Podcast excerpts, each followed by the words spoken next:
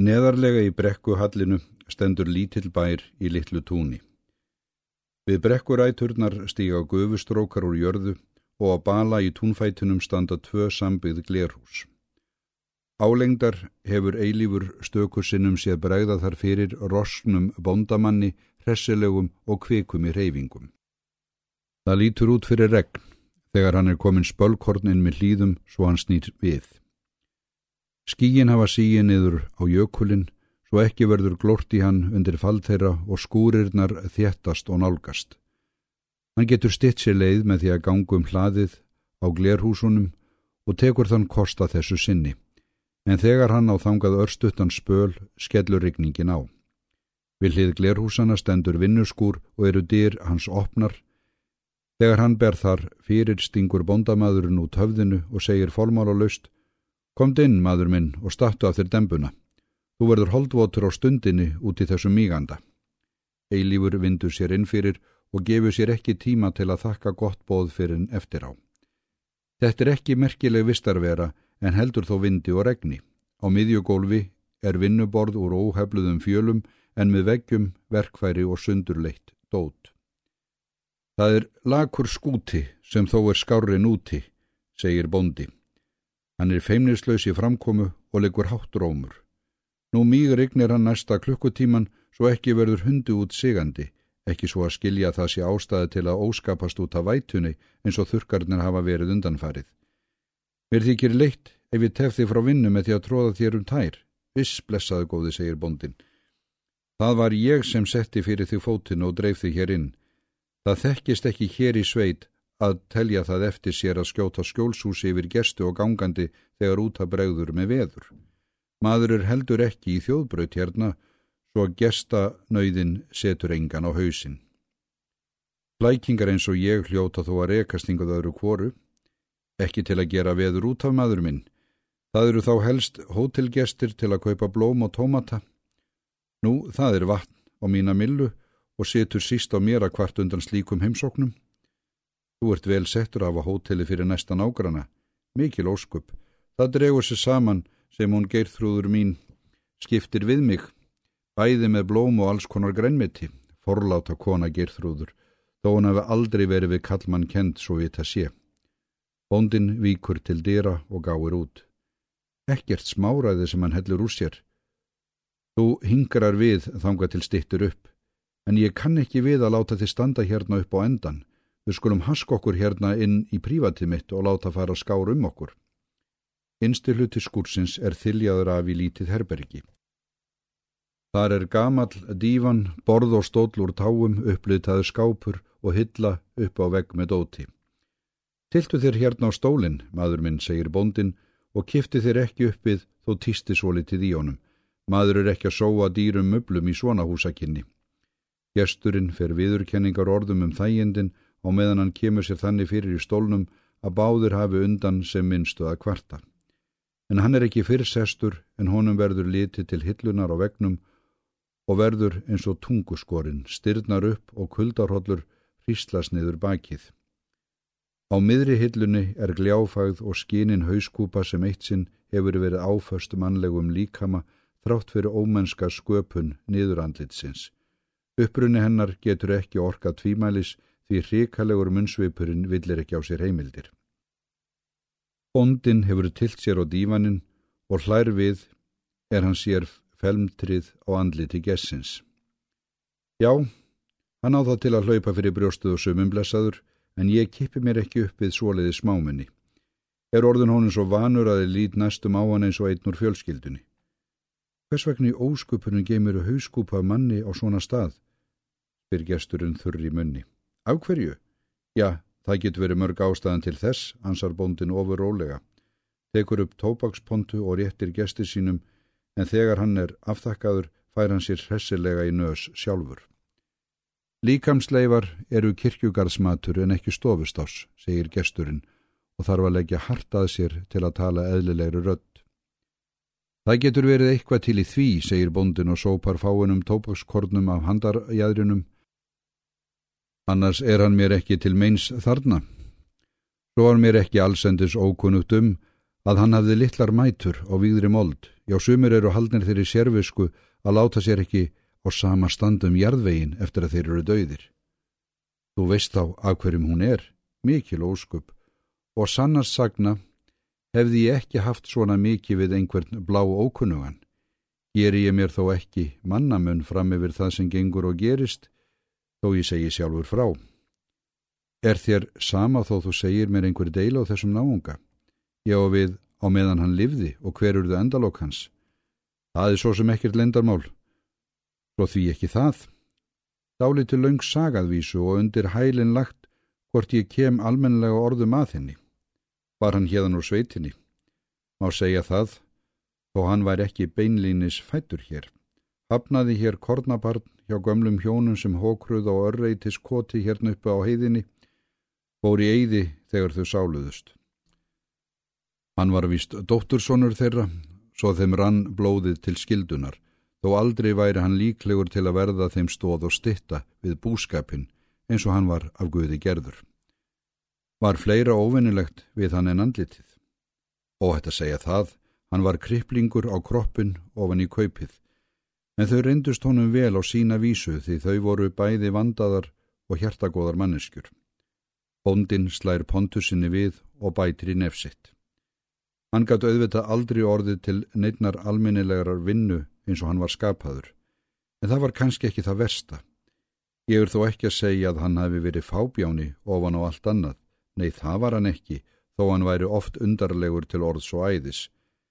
En hvað um það, allir vorkendu gömlu hjónunum að þurfa að setja uppi með þetta viðundur og lái ég það engum. Aldrei komst á hann kristileg ferming því hann harðneitaði að láta fara svoliðis með sig. Upp úr því fór hann svo að flækjast að heiman og það fréttist kannski ekkert af honum langtímum saman. Nú og eftir að gömlu hjónin sáluðust bæði, týndist hann hreinlega svo maður var næstum hættur að muna eftir honum. Það lítur samt út fyrir að hann hafi komið í leitirnar, ef ekki lifandi þá döður. Já, hann let sig hafa það og mikið var því hissa þegar honum skaut upp. Það eru ár og dagar síðan en samt mann ég það eins og það hefði gerst í gær. Ég var þá að basla við að koma upp þessum glerhúsum hérna og einn daginn stendur hann allt í einu hér á hlaðinu. Auðvitað þekkti ég hann strax því svoliðis útliti gleymir maður ekki. Barast að þú sjálfur, segi ég við hann. Eins og þú sérð, ansaði hann, kannski komin til að setjast að í sveitinni segi ég hálfpartin upp á grín. Mér er varla vandar um en þér og þínum líkum hér í sveitinni, segir hann. Þú hefur betur snúið heim til föðurhúsina fyrr, segi ég. Aðkoman orðin heldur báborinn, kvoti komið í eyði og kovarnir fallnir, svo þú átt ekki lengur í þau hús að venda. Himinin er nóg og gott þakk yfir hausin á mér, þennan tíma sem ég þarf á því að halda, segir hann. Það lekur stundum úr þakkinu því, segi ég. Það lekur víðar úr rjári, segir hann dálítið undirfurðulega, svo það getur verið gott að venja sig við. Eitthvað fór ég í kringum það hvar hann hefði alið mannin og þar fram eftir gotunum, en það var lítið að græða á svörum hans.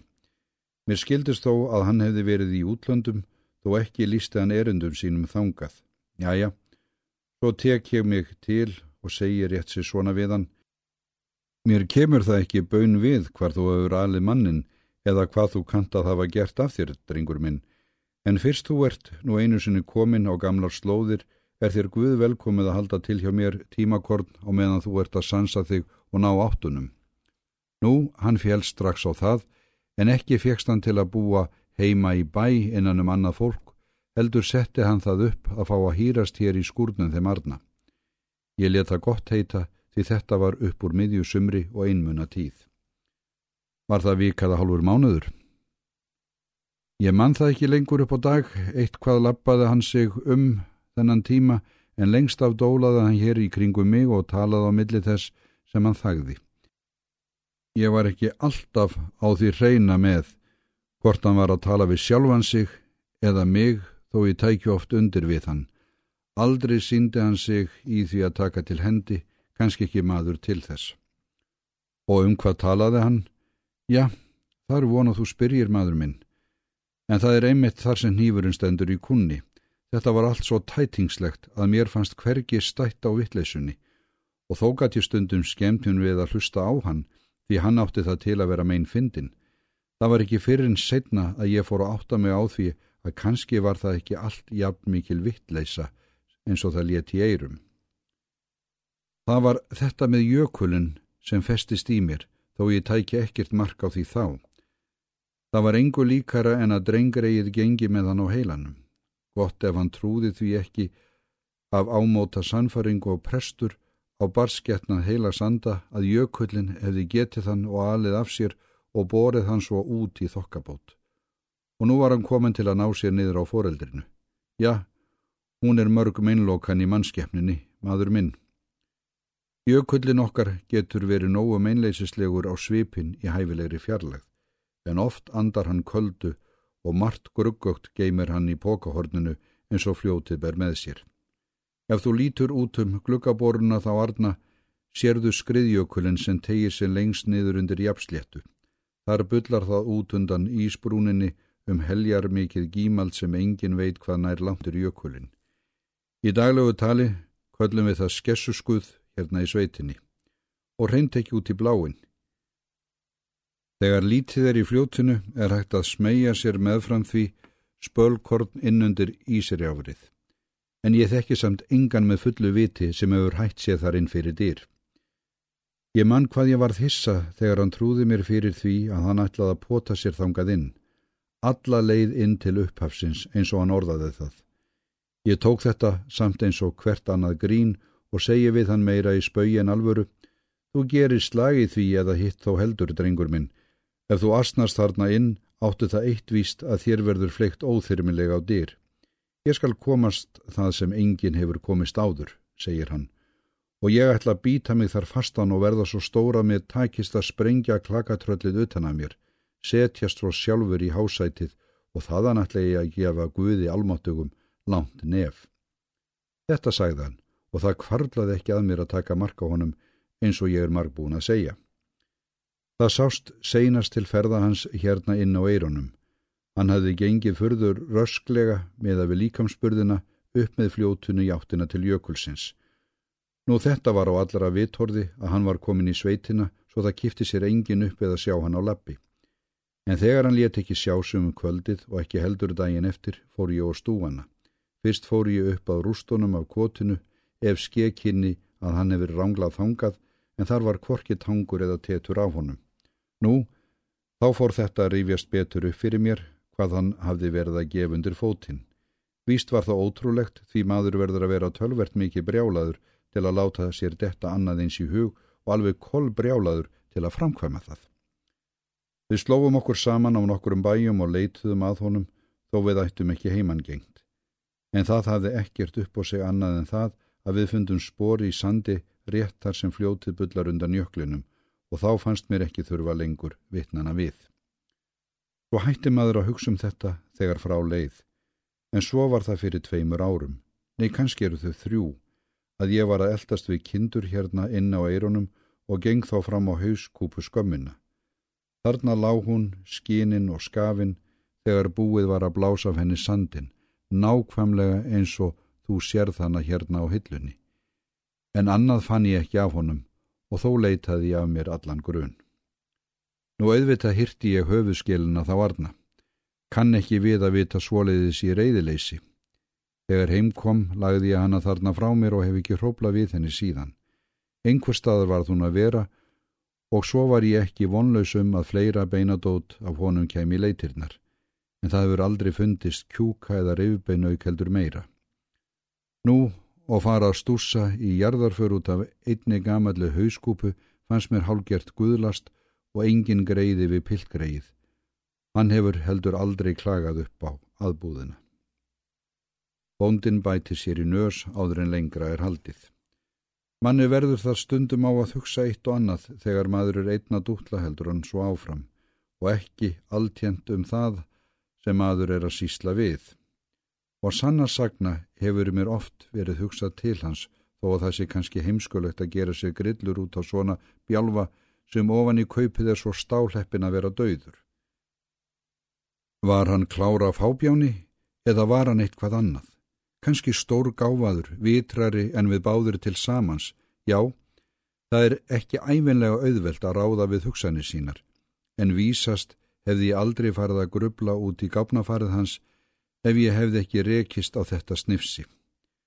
Bondin dregur út skuffu í borðinu, rótar í hennu uns hann finnur skrifablað heldur óhrjálegt. Sjáðu til maður minn, ég rakst á þetta eftir dúk og disk hérna innan um draslið og ef ekki kunna við að fleia því. Það er ekki um að villast hvaðan það er ættað því ég þekkti párið hans. En hvað er það sem þarna stendur skrifað? Annaðkvort er þetta alger heilaspunni eða svo mikil speki að það er ekki fyrir mig að botna í henni. Ég er samt á því að þetta eigi að heita kvæði og kannski er það ekki lakari samsetningur en margt af því tægi sem kemur á prent. Hann skildi þó aldrei hafa verið skáld, dreng fjandin. Ég fer samt aldrei ofan af því að hann hafi verið með lausa skrúfu, en það er við stundum mjótt bilið á milli spekingsins og afglapans. Er þér sama þó þú látur mig hafa þetta blað? Hér er það guð velkomi maður minn.